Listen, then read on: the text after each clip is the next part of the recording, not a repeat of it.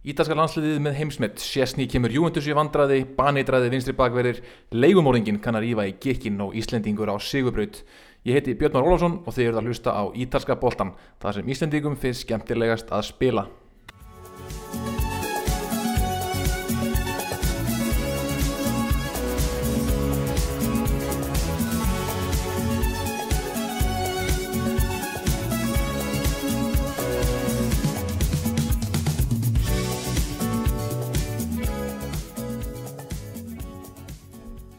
Þátturinn er snúin aftur eftir landsleikja hlýja þar sem ítölsku Íslendingarnir voru í stórum hlutverkum.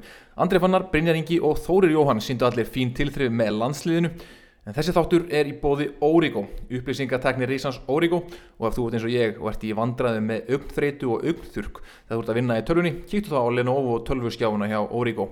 Þeir dragur augþreitu og augþurki og svo er að besta við á að þeir eru umhverjusvænir, gerður 85% endur unnu plasti og menga ekki við nótkunn. Í landsleikjaliðinu setti ítalska landsliðið met. Roberto Mancini og drengirinn hans hafa átt ótrúlega þrjú ár en liðið hefur ekki tapað í 37 leikjum í röð og eiga nú metið yfir flesta leiki í röð án taps. Og það er ótrúlega að hugsa til þess að Ítalja eigi þetta met því að það er eitthvað sem að Ítalja voru þekktir fyrir hérna á árum áðum áður þá var það að gera bare minimum í æfingarleikjum. Æfingarleikir og vinnuturlandsleikir voru til þess að prófa nýja taktík, prófa nýja leikmenn, púsla liðinu saman og í mörg ár var þetta ganga því vísu að Ítalija myndi tapa vínaturlandsleikum eins og gegn Íslandi á lögadagsvelli árið 2004 en síðan ákvað FIFA að breyta og fór að gera vínaturlandsleikum hærröndur höfði og allt í unnu var ítalska landsliði farið að falla niður FIFA rankinglistan.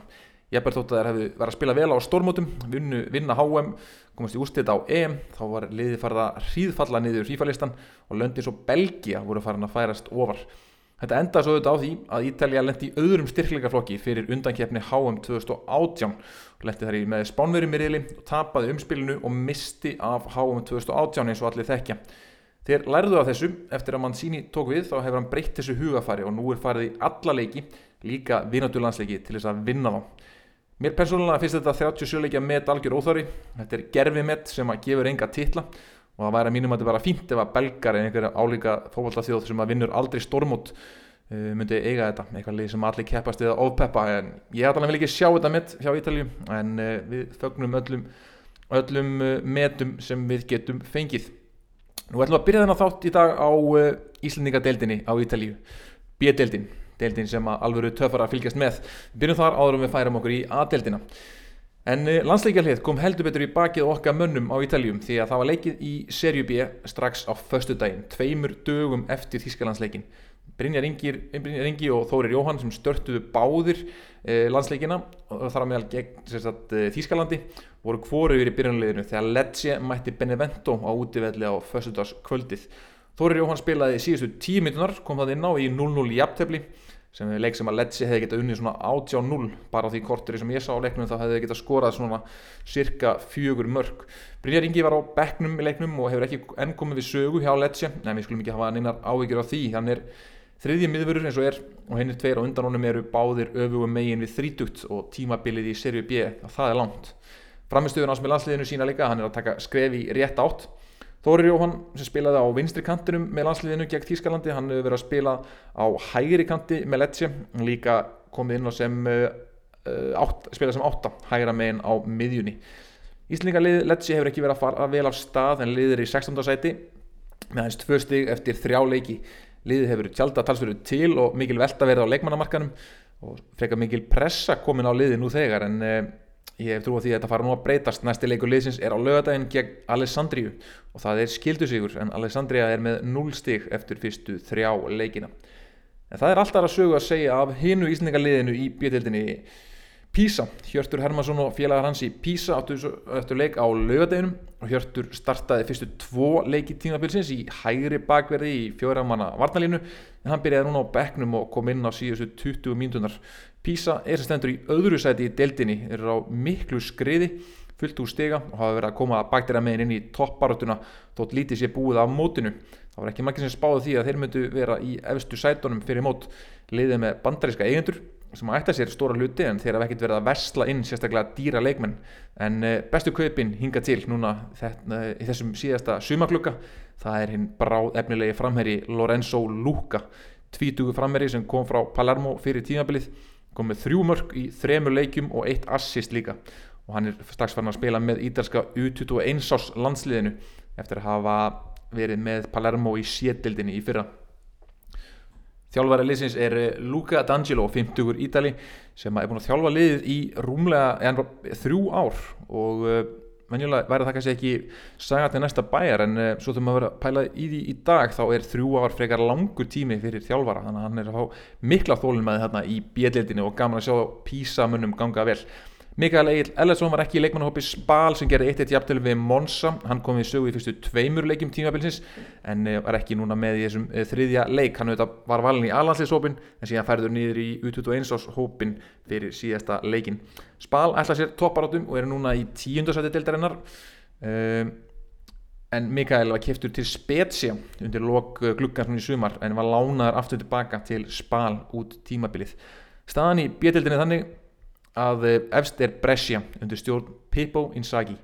Pippo Inzaghi þetta fór upp með eh, Benevento fyrir tveimur árum fjell síðan aftur með þeim og er núna að stefna í það að fara upp með Brescia. Og væri ótrúlegur árangur að sjá hann fara upp með já, lið með svona stuttu millibili. Eh, Pisa er í öðrum, Ascoli í þriðarsæti Parma í fjórðarsæti Cremonesi í fymta og Cittadella í sjötta sæti Parma er auðvitað spáð efstasæti í deildinni er með langstæsta budgetið og liðið vann örugan 4-0 sigur á Pordenone um síðustu helgi með Gianluigi Buffon í markinu að sjálfsögðu. Örstut niður í sétildina áður við förum í A-dildina því Óttar Magnús Karlsson var eins og hlustendur vita lánaður í sétildina til Robur Siena frá Venezia. Robur Siena er auðvitað frá eh, borginni Siena, kannski fallegustu borg í Ítalju og er að mörgum að velja. Siena er í sétildinni í efstasæti fullt úr stega í sínum riðli.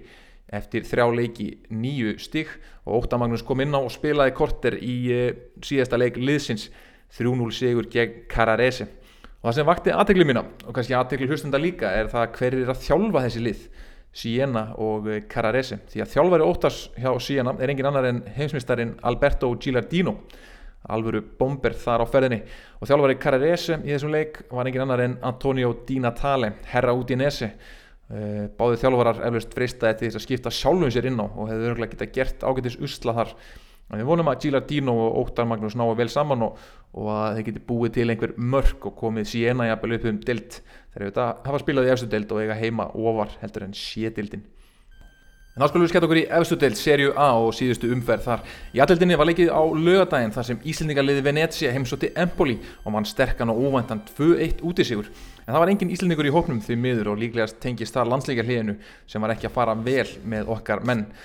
Empoli vannu þetta 1-0 sigur á Juventus í uh, síðust umferð og flesti byggustu því að þeir myndu mæta fulli sjálfströst á sinn heimavöll og taka hérna nýliðana Venezia en Venezia síndi mikla seglu Empoli var meira með boltan og fengu fleiri færi en uh, tvö glæsileg mörg uh, triðu sigurinn fyrir Venezia Fyrst var það frakkin eh, Thomas Henry sem kom Venezia yfir með glæslegu marki áður en varamæðurinn David Okereke kom inn á og tvöfaldaði fórustuna með ótrúlegu einstaklingsframtangi. Ég mæli með því kíkja þetta mark, eitt af mörgum umferðarinnar og albaninn Nedim Bayrami klóraði svo í bakkan fyrir læri sveina Aurelio Andreat Solis í uppbóta tíma en eh, flottu sigur hjá Venezia. Og næsti leikur Venezia er um þetta heimavelli um helgina gegn Spezia. Og hlusti nú vel því að þetta verður fyrsti heimaleikur Venezia í efstu dild á alvöru heimavelli sínum. Stadio Pierluigi Penso en það er búið að vera að gera völlin upp þess vegna hafa ekki spilað á honum hinga til í deildinni. En uh, hann er tilbúin á undan áætlun. Þannig að nú verður þetta að fara að skella sér á leik hjá Venezia í uh, Feneum á Stadio Pierluigi Penso sem er ekki viðtað með bílastæðum heldur með bátastæðum. Og við erum sennilega líka að brjóta blað í sögu Ítalíu með þessu því þetta er í fyrsta sinn sem að bygging á Ítalíu er fullgerð á undan áallin allavega það um fótbolltaföllar að ræða þetta nú annarleikur lögadagsins var stórleikur umferðinar Napoli, Juventus Napoli í topparótu Juventus með aðeins eitt stig eftir fyrstu tvo leikina gegn Empoli og Udinese. Lucky Luciano Spalletti þjálfari Napoli er með umurlegt rekord gegn Juventus. Og þegar Juventus var upp á sitt besta þá mættur alltaf til Napoli skoruði eitt mark pökkuðu vörn, skellt í lás og kláruðu leikin með eh, skipilöðum varnaleik. En til þess að gera það þá það að vera með góða vörn og góðan markmann í hæsta gæðaflokki og það verist Juventus ekki vera með lengur. Juventus kemst yfir, fær draumabyrjun eftir aðeins 10 mínútur þegar uh, Alvaro Morata vinnur boltan af uh, Manolas í vörð Napoli og skorar draumabyrjun fyrir Juventus. En síðan tekur Napoli öll völdin af vellinum og eftir uh, klukkustunda leik kemur skot á fjærstinguna sem að Wojciech Szczesny er með fulla stjórn á. En í staðan fyrir að verja boltan í hotspinnu ákverðan að reyna að halda boltanum. Missir hann og Matteo Politano klárar, lætur ekki bjóða sér þetta tvísvar og klárar í markið 1-1 Napoli hættur áfram að pressa.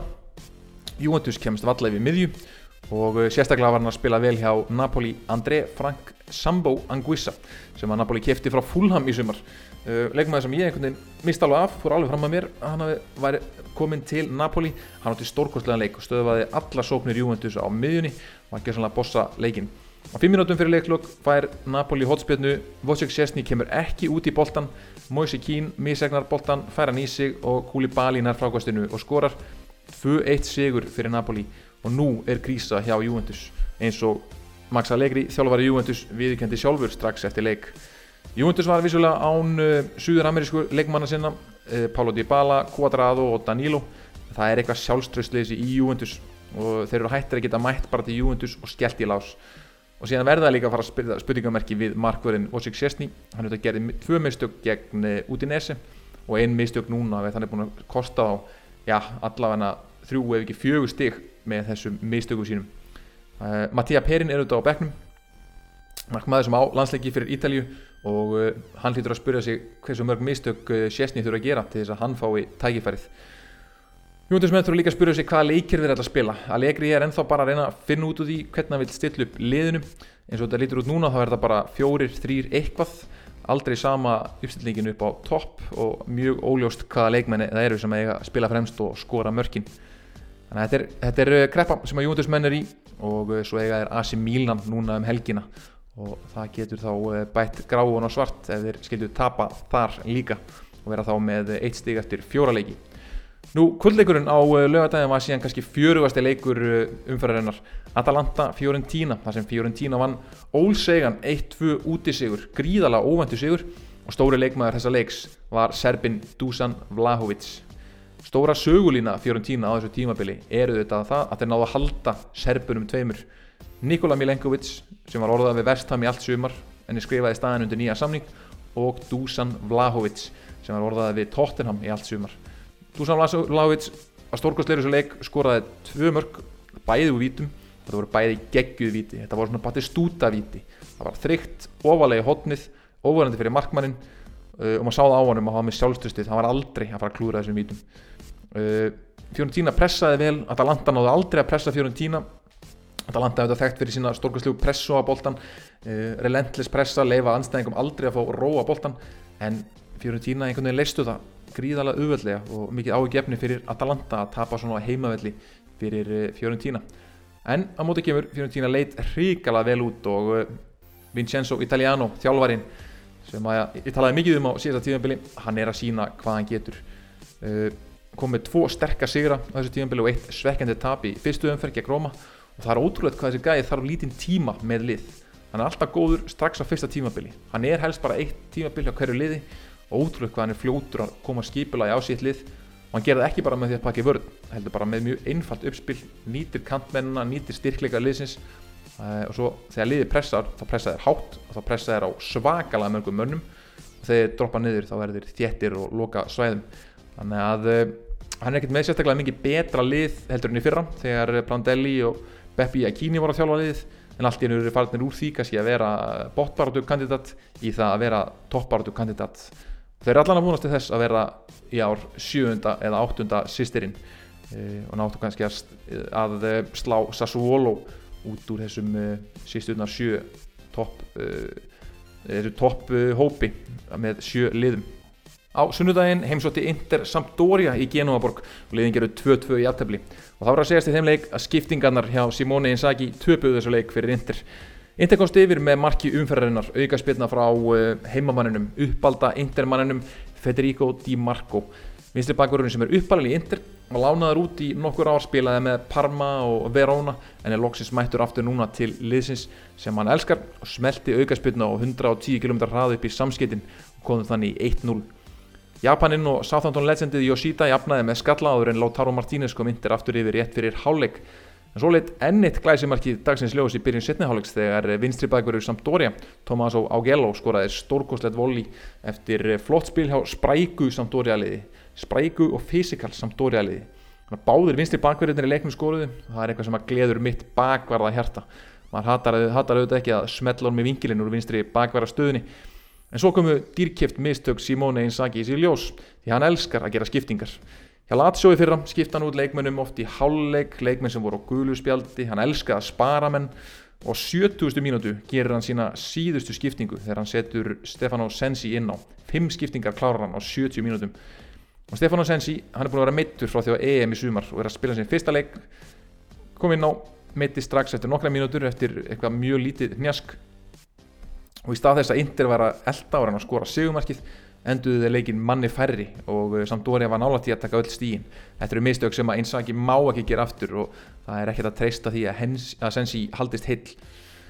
Nú Cagliari og Genoa mættu svo í eh, örlagaríkun leik á eh, sunnundagin þegar Cagliari komst yfir snamma leiks og kom svo í 2-0 og allt leitt út fyrir örugan heimasigur eiga skeggjana en Davide Ballardini þjálfari Genoa er ekki, er ekki kallaður Davide Hitman Ballardini að ástæða lausu eins og alvöru hitmann, eins og alvöru leigumórengi greipan í gikkin í háluleik breyttum leikkerfi úr 3-5-2 í fjöramannalínu hann skipti þremur leikmunum á velli og þannig tók Genoa að snúa 0-2 í 3-2 með marki frá Mattia Destro og tveimur snöggum mörgum frá kantmanninum Muhammed Fares.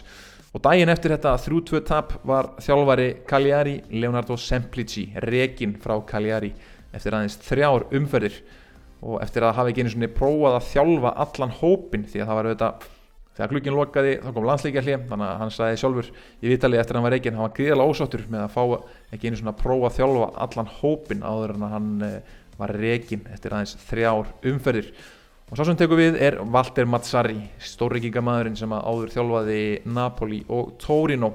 Og við getum ekkert búist um mikið öðru en því sem að hafa verið að gera hinga til þryggja manna lína og mikil barátta inn á miðunni Torino vann 4-0 sigur á Salernitana og það lítið um þann leika að segja annað en Salernitana eru auðvitað búið að sæna Frank Ribery sem eru stóra fréttir í sjálfu sér. Hann kom inn á í stöðunni 0-2 og þegar leikurinn kláraðist var staðan 0-4 uh, Salernitana liðið gerir tilkall til að vera lélegasti nýliði í serju A síðustu tíu árin og mörgum lélegum er að taka.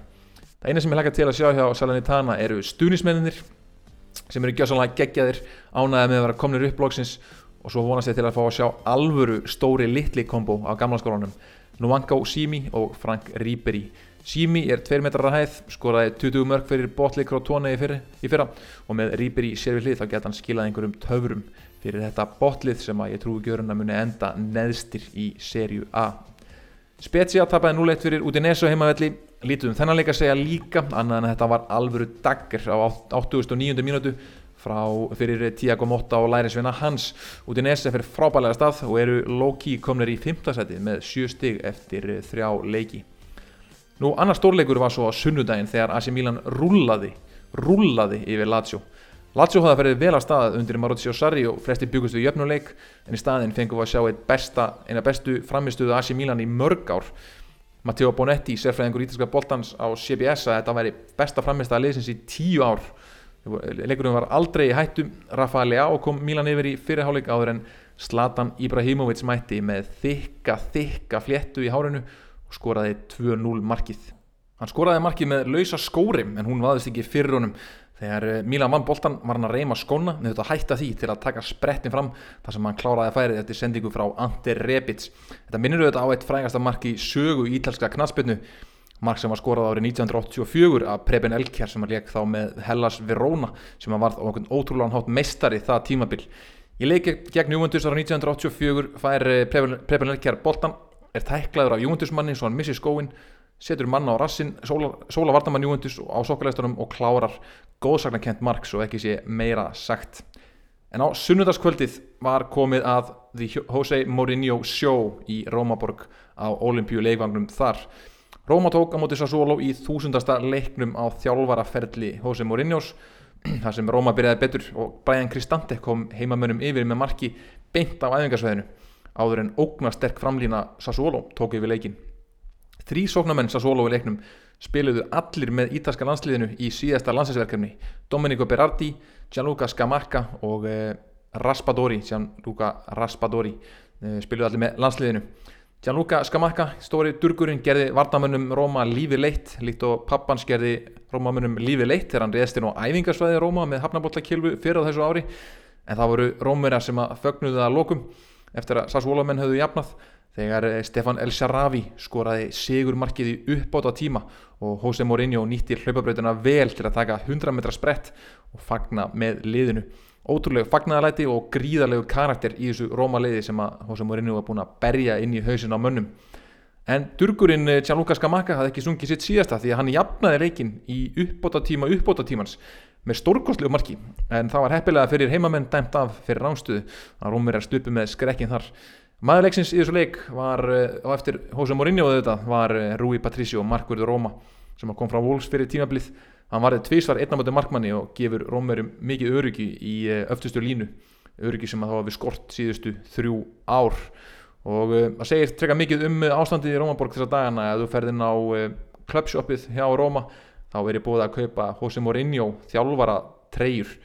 Treyjur með, hérna, og bóli með mynd af Jose Mourinho. Ég hef ekki síð þetta síðustu ár eh, bólið með mynda Pála Fonseca þannig að þetta er eitthvað nýtt og segir mikið um stöðuna hans Mourinho hjá eh, Róma þessa dagana. Mándagsleikurinn, hann var lítið fyrir augað. Bologna vann þar 1-0 eh, sigur á Hellas Verona. Eh, og Marko Arnautovic, nýjasti leikmaður Bologna, hann átti assist í þeim leik.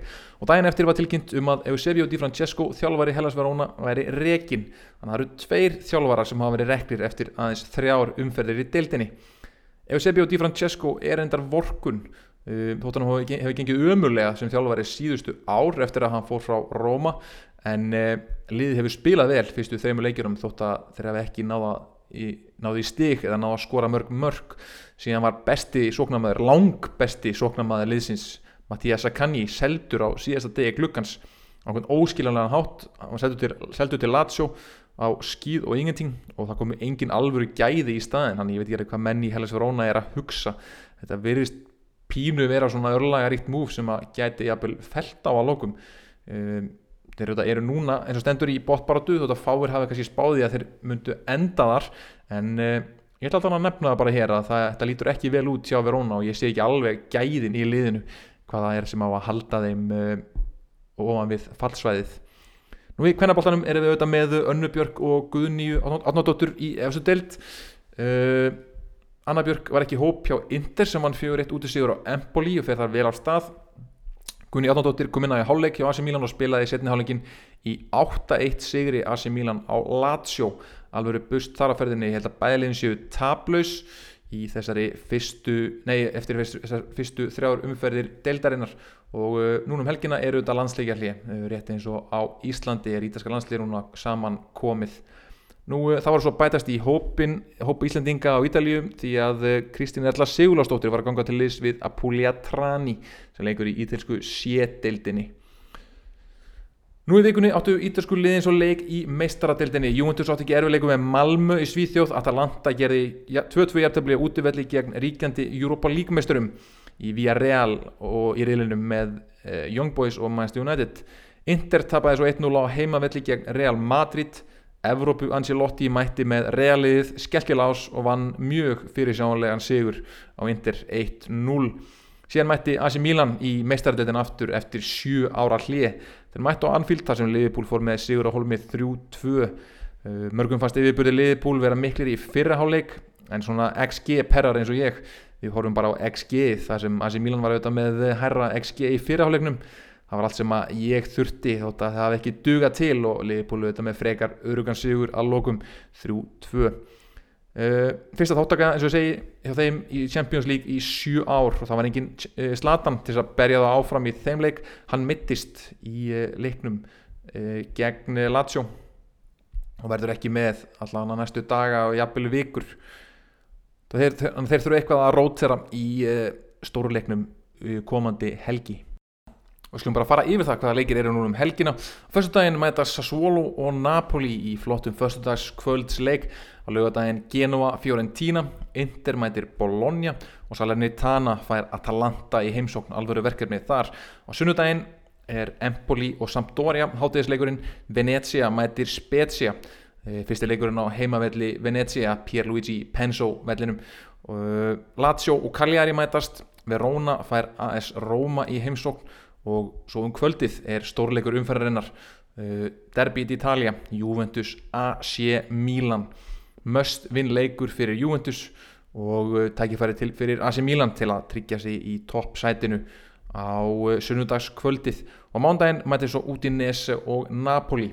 Og ég veit að það er engin Íslensk sjónvastöðan þó með réttin að ítalska boltanum en nú verða Íslendingar bara að leggjast á eitt. Þið verða að heyrið í sjónvastöðunum setið pressu á þar sendið bref á þingmannin ykkar látið í ykkur heyra, skrifið í blöðin. Það er, það er ekkert uh, farið út tísku að skrifið í blöðin mennum að skrifið í blöðin og að minna tilefni.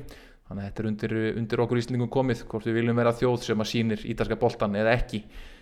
Hvort við tryggjum okkur í hópu síðmendara þjóða þar sem ítalski boltin er síndur eina annar landi þar sem ég veit að ítalski boltin er ekki síndur það er Noregur. Og við skulum ekkert vera að líka okkur við Noreg þegar kemur að fótbolta. En ég þakka fyrir mig að sinni og við heyrumst aftur í næstu viku. Við skulum enda þetta á lægi sem ég tilenga leigumóringjanum Davide Hittmann Balladini sem að þorði að taka í gikkin og gefa ykkur uh, kannski besta ítalska lag ársins Pistolero. Heyrumst í næstu viku, verið sæl.